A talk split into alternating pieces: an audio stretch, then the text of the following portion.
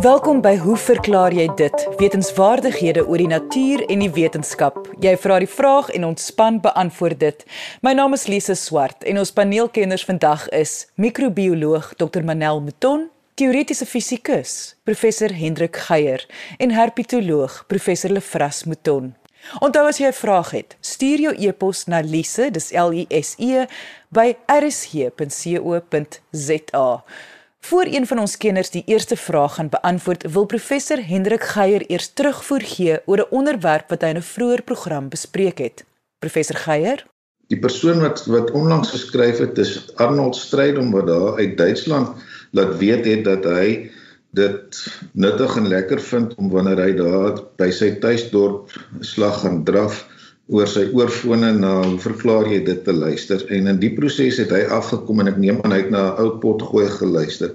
Op 'n program waar ek so 'n bietjie gestruikel het oor die Afrikaanse term vir 'n inverter. So luisteraars sal dalk onthou dat ons eh, 'n uh, vraag gehad het waar die inverter 'n sleutelrol gespeel het in die vraag en Arnold was vriendelik genoeg om vir my 'n afdruk uit 'n bladsy van sy ou elektriese ingenieurswese handboek of een van sy handboeke uh, aan te stuur. Die handboek is A Heydorn veelfasige elektriese stelsels.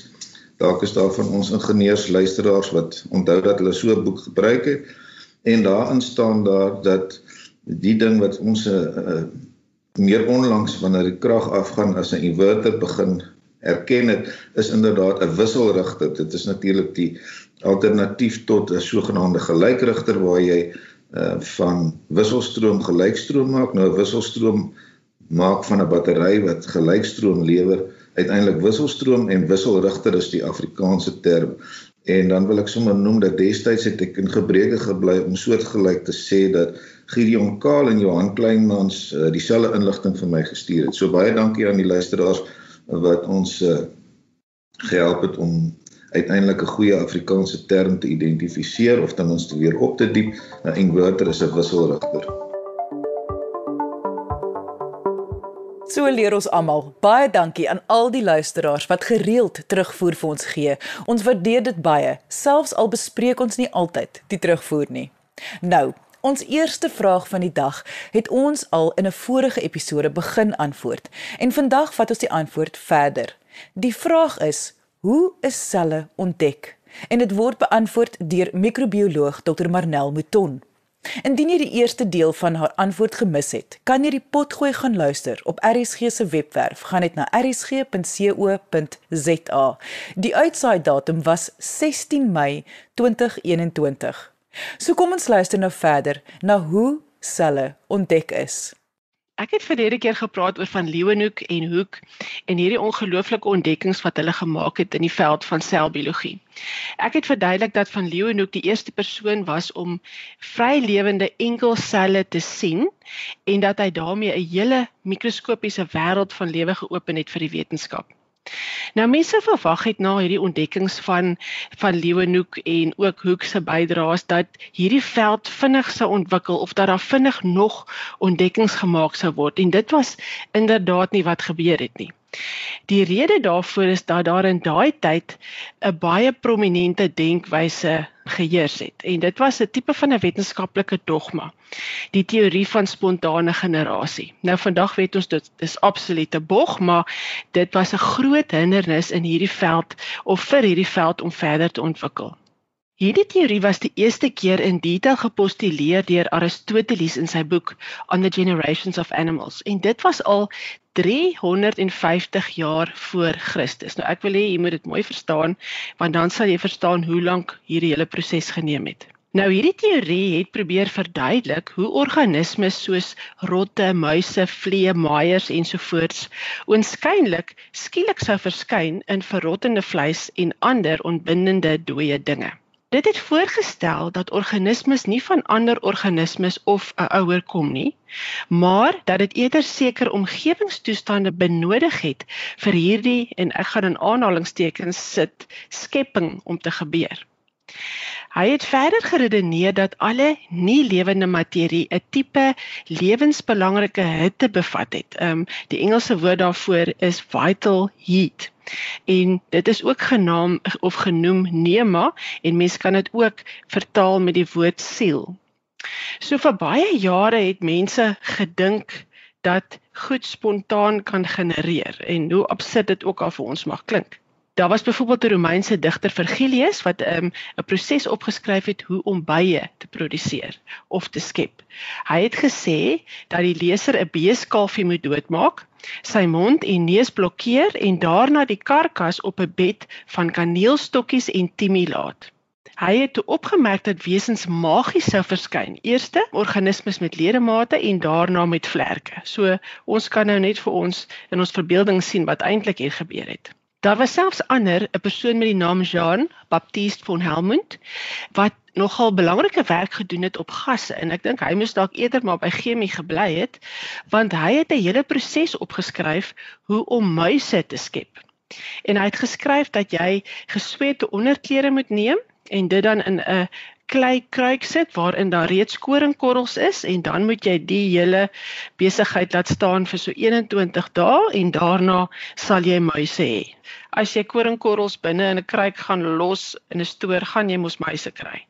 Hulle dink daar het waarskynlik um ewen 'n nes, daar was waarskynlik 'n muisnesie daarin want dit was mos nou ideale tyd om die kleintjies ook of ideale plek om die kleintjies te kry. So hierdie denkwyse het vir letterlik honderde jare bestaan en daar was uit die aard van die saak wetenskaplikes wat dit geglo het en wat selfs eksperimente gedoen het om dit te bewys en dan ander wat die teendeel geglo en probeer bewys het. Tot op 'n punt wat die Franse weergawe van die Royal Society hier rondom 1858 'n prys uitgeloof het vir die wetenskaplike wat hierdie teorie van spontane generasie finaal amptelik vals kon bewys.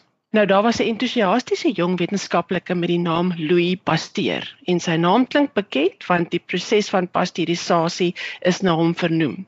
En hy was vasberade om dit reg te kry want hy het hierdie prys gehad nodig gehad vir sy navorsing. Nou Pasteur het 'n baie vindingryke, eintlik 'n baie eenvoudige maar 'n baie vindingryke eksperiment ontwerp waarin hy hierdie teorie van spontane generasie vals bewys het. Hy het bewys dat die stofpartikels in die lug mikrobes op het en dat wanneer hierdie mikrobes dan in 'n voedingsmedium sal land, hierdie mikrobes sal begin groei. Met ander woorde, dit word nie spontaan gegenereer nie. Dit is omdat dit ingedra word deur die lug en op stofdeeltjies.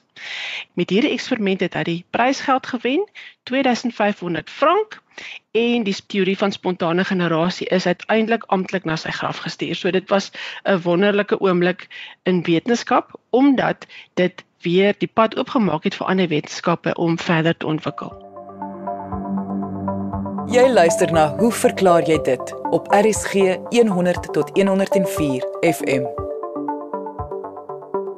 Na die werk wat Hoek gedoen het op Kirk en onthou julle sal miskien onthou van verlede keer toe Hoek die Kirk ondersoek het, het hy hierdie klein kompartementjies in hierdie plantweefsel waargeneem en hy het daardie klein kompartementjies selle gedoop. Nou hy het geen idee van die betekenis van die woord sel op daardie stadium gehad nie. Nou hier in die vroeë 1800s was die plantkundiges besig om navorsing hieroor te doen en hulle het besef dat alle plantmateriaal bestaan uit hierdie kompartementjies, hierdie selle, hierdie boublokke van die plantmateriaal. Een so 'n plantkundige was Robert Hooke. Hy het vele reise onderneem om plantmateriaal oral te versamel en onder andere het hy nuwe orgidee spesies versamel en hy het heelwat werk hierop gedoen. En dit was 'n gelukkige keuse want orgidee het nogal besonder groot selle. En tydens sy werk op hierdie selle het hy 'n baie interessante ding waargeneem. Hy het gesien dat daar in elke een van hierdie selle 'n effe onreëlmatige ronde struktuurtjie voorkom. Hy het toe nog en nog plantmateriaal ondersoek en hy het besef dat hierdie struktuurtjie in letterlik elke sel voorkom. Maak nie saak watse tipe plantmateriaal hy ondersoek nie.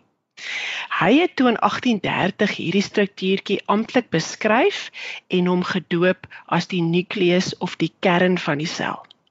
Nou hy het geen idee gehad op daai punt wat die kern doen of wat dit was nie. Ons weet vandag dit is 'n baie interessante struktuur wat die genetiese materiaal bevat.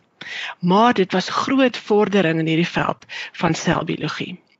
Maar steeds het hulle nie besef dat selle basies die basis van alle lewende organismes is nie. Die studie van dierweefsel um, en anatomie en fisiologie was ver agter plantstudies. Daar was waarskynlik 'n baie goeie rede voor en hier moet ek net gestop en iets verduidelik. As ons 'n plantsel neem en ons neem 'n diersel en ons plaas hulle langs mekaar, is daar vele ooreenkomste. Beide van hulle is eukariotiese selle. Maar as ons na 'n plantsel kyk, dan sal ons sien dat aan die buitekant van die selmembraan daar 'n baie duidelike struktuur is, die selwand. En dit maak dat plantselle 'n baie spesifieke vorm het. Dierselle het glad nie 'n selwand nie, hulle het net die sagte selmembraan. En daarom het hulle ook nie so 'n baie spesifieke vorm nie. Bo en behalwe dit, verskil verskillende tipes dierselle radikaal van mekaar. As ons byvoorbeeld 'n epiteelsel vergelyk met 'n senuweesel en neuron, dan sal jy sien hulle lyk totaal en al verskillend. Hulle het eintlik geglo dat dierweefsel eenvoudig fundamenteel verskil van plantweefsel. Nou een briljante wetenskaplike het gewerk in Berlyn by die sentrum van anatomie, Theodor Schwann. Hy het geëksperimenteer met verskillende maniere en tegnieke om hierdie weefsel te sny, maar ook met verskillende kleuringstegnieke. En hy het opgemerk dat dieselfde tipe globulêre struktuur gesien kan word in al sy dierweefselmonsters. Ons weet nou dat hy na selle gekyk het met die nukleus daarin. Maar op daai stadium het hy dit beskryf as conchin, googlechin en cellen. Nou wetenskaplikes hou daarvan om hulle navorsing met mekaar te bespreek en te vergelyk. En op 'n dag het Swan toe 'n middagete afspraak met sy vriend Matthias Schleiden. En Matthias Schleiden was 'n plantkundige. Nou tydens hierdie ete bespreek hierdie twee wetenskaplikes toe hulle werk met mekaar en hulle bespreek die verskillende tipes plant en dierweefsel. En hier tydens hierdie ete is daar een van die grootste eureka oomblikke in biologie. Tydens hierdie gesprek besef hulle twee skielik beide dat hulle beide die nukleus gebruik om hierdie boublokke of selle te identifiseer van die weefsel wat hulle bestudeer. So hulle het skielik besef dat alle lewende organismes, plante, diere, fungi, protiste, almal van hulle bestaan uit selle. Hulle was hiermee die stigters van selteorie. En hierdie teorie of selteorie spesifiek bestaan uit 3 dele. Die eerste 2 dele is beskryf deur Schwann en Schleiden. En dit lei eerstens dat alle lewende organismes uit selle bestaan en tweedens dat selle die kleinste basiese eenhede van lewe is. Nou, ek het nou net vertel dat hierdie storie begin het baie baie ver terug, maar jy kan nou sien dat dit letterlik honderde jare gevat het vir hierdie ontdekking om gemaak te word. Ons neem hierdie kennis as so vanselfsprekend aan, maar dit het honderde jare gevat vir hierdie ontdekkers om hierdie inligting te interpreteer. Selteorie het ook 'n derde deel wat in 1858 bygekom het en dit is voorgestel deur 'n wetenskaplike met die naam Rudolf Virchow. En dit het te doen daarmee dat selle van bestaande selle afkom. En dit klink ook heel eenvoudig, maar dit het nog baie jare gevat om te ontdek. En hierdie is 'n heeltemal ander storie wat ek baie graag op 'n ander dag sou wou vertel, want dit is 'n dramatiese storie en daar selfs 'n element van verraad hierin. So as enige lesers wil verder wil weet hieroor, skryf gerus, ek sal graag meer daaroor wil vertel.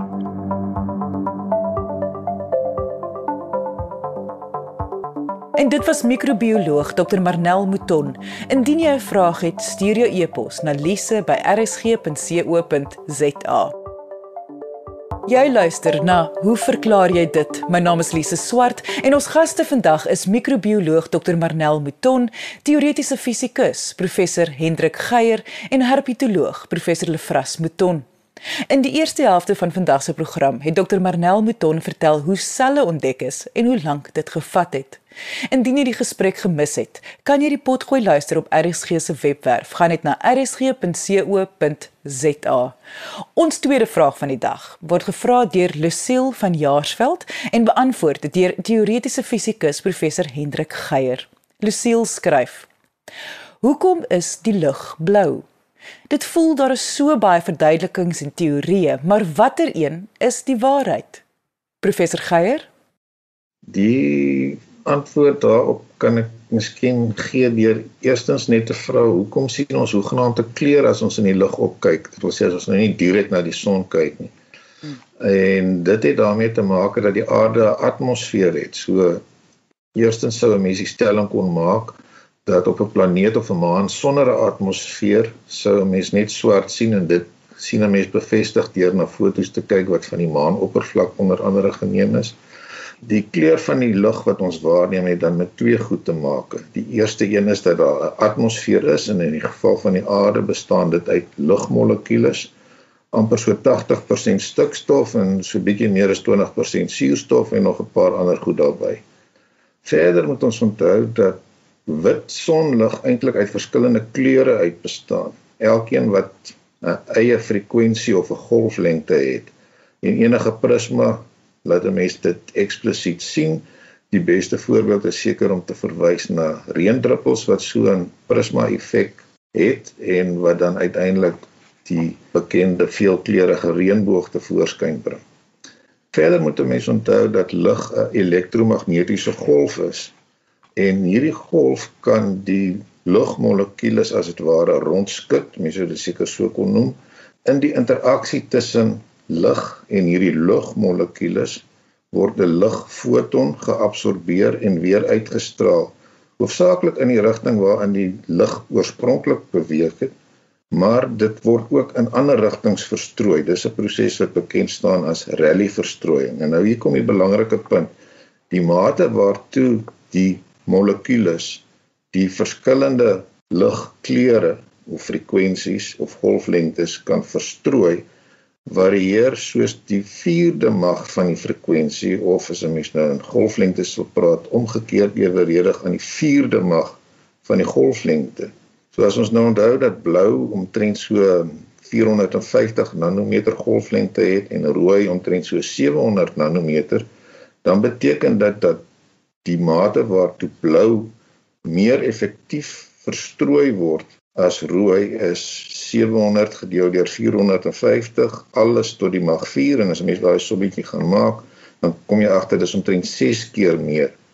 So as jy nou opkyk nie direk na die son nie, dan beteken dit soos die lig nou daar bo jou kop verby trek, word die blou baie meer effektief na jou toe verstrooi as wat die rooi na jou toe verstrooi word en dus sien jy hoofsaaklik blou. En natuurlik vir dieselfde prys verstaan 'n mens ook hoekom die sonsopkoms en die sonsondergang tipies 'n rooierige skynsel het want daar kyk jy nou eintlik meer direk na die son toe. Dit beteken die blou word nou wegverstrooi en meer rooi bly oor in die lig wat direk na jou toe kom so die sonsopkoms of die sonsondergang is dan tipies rooierig. Die manier waarop ons oë lig waarneem met die bekende verwysing na rooi, groen en blou keeltjies in jou oog. Daardie keeltjies registreer blou baie meer effektief as violet. So alhoewel violet meer verstrooi word, registreer jy uiteindelik tog meer blou as violet en dis is die die lig wat jy sien nie violet nie maar inderdaad blou. So kortom, Elise, dit is die interaksie tussen wit sonlig wat uit verskillende kleure bestaan met lugmolekules in ons atmosfeer uh, wat dan tot 'n groter mate die blou lig na jou toe verstrooi as die rooi lig wat uiteindelik die blou lig verklaar. Jy luister na hoe verklaar jy dit op RSG 100 tot 104 FM. En dit was teoretiese fisikus, professor Hendrik Geier. Dit is nou tyd vir ons kitsvraag van die week wat deur professor Lefras Mouton beantwoord word. Lefras, hoe verklaar jy dit dat sekere spinnekoppe elektrisiteit in hulle spinnerakke gebruik om prooi te vang? Ek dink almal van ons het al kennis gemaak met die effekte van statiese elektrisiteit. As mens daar op 'n koue wintersoggend daar iewers in die binneland aan die deurknop vat en daar skiet so 'n vonkie en jy kry so 'n klein skokkie, dit is statiese elektrisiteit. Ek onthou op skool dat ons, wel laerskool dat ons altyd 'n liniaal so op jou hemp gevryf en dan hou jy dit bo 'n stukkie papier en dan spring die papiertjie op na die liniaal toe. Nou die spinnerakke van spinnekoppe werk eintlik basies op dieselfde beginsel. Die gom wat hulle gebruik om nou die spinnerak tyd te maak, dit het baie unieke statiese elektrisiteit eienskappe. Wat hulle kan doen is hulle kan beide positief en negatief gelaaide liggaampies aantrek.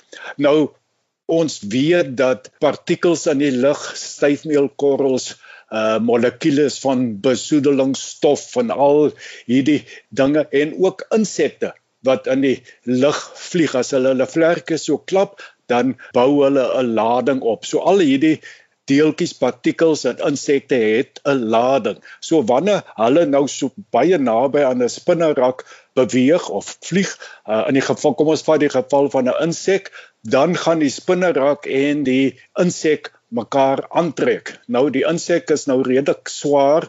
Die spinnerak weet ons ons mos baie elasties, so die die die spinnerak buig en ek uit in die rigting van die insek en dan kan hy nou heg aan die insek of die insek heg aan die spinnerak en so word die insek dan nou gevang. In die geval van styfmeelkorrels en uh, stofpartikels en so meer is dit nou alles natuurlik nou baie kleiner en in hierdie geval sal hierdie partikels deur die spinnerak aangetrek word en natuurlik nou vasgevang word. So dit is eintlik baie eenvoudig, maar soos ek nou gesê het al hierdie partikels word nou opgevang deur die spinnerak ook behalwe nou net insekte. So in effek dien hierdie spinnerakke dis nou eintlik as 'n lugfilter. Dit haal al die deeltjies uit die lug uit, al die die vuil deeltjies uit die lug uit. En dit werk eintlik op dieselfde beginsel as lugfilters wat in huise gebruik word, wat ook maar op uh, met statiese elektrisiteit werk. Nou ongelukkig oh, ek wil nou sê nou ongelukkig, maar ons weet baie spinnekoppe natuurlik hulle herwin hulle spinnerakke. Nee, hulle eet dit aan die einde van die dag eet hulle die spinnerakke op en uh dan volgende keer bou hulle weer 'n nuwe spinnerak. So hulle kry nou al hierdie hierdie onsuiverhede in die lug beland nou in binne hulle in hulle liggaam en dit kan natuurlik as dit nou gifstowwe is en goed kan baie skadelik wees vir die spinnekop. Nou daar is wetenskaplikes wat beweer dat dat hulle kan net na die spinnekoppe se se se spinnerakke te kyk kan hulle sien wat die vlakke van besoedeling in die lug is. As as daar baie uh, besoedeling is, dan bou die die spinnekoppe hulle spinnerakke op 'n ander manier. Ag daar's al baie eksperimente gedoen wat wys dat spinnekoppe wat byvoorbeeld LSD ingegee word, bou hierdie pragtige spinnerakke en ander wat weer kafeïne gevoer word, hulle bou baie slordige spinnerakke. So dit is alles baie interessant. Nietemin, ons sluit af. Spinnerakke speel 'n belangrike rol in die sin dat hulle as ligfilters werk en ja, uh, statiese elektrisiteit in die geval van spinnekoppe waarskynlik by baie spinnekoppe is baie belangrik in die vang van prooi. Dit was herpetoloog professor Lefras Mouton. Indien jy 'n vraag het, kan jy jou e-pos stuur na lise@rsg.co.za. Ek sê baie dankie aan ons kenners en vraagstellers van vandag. Lekker dag verder tot volgende week net hier op RSG. Totsiens.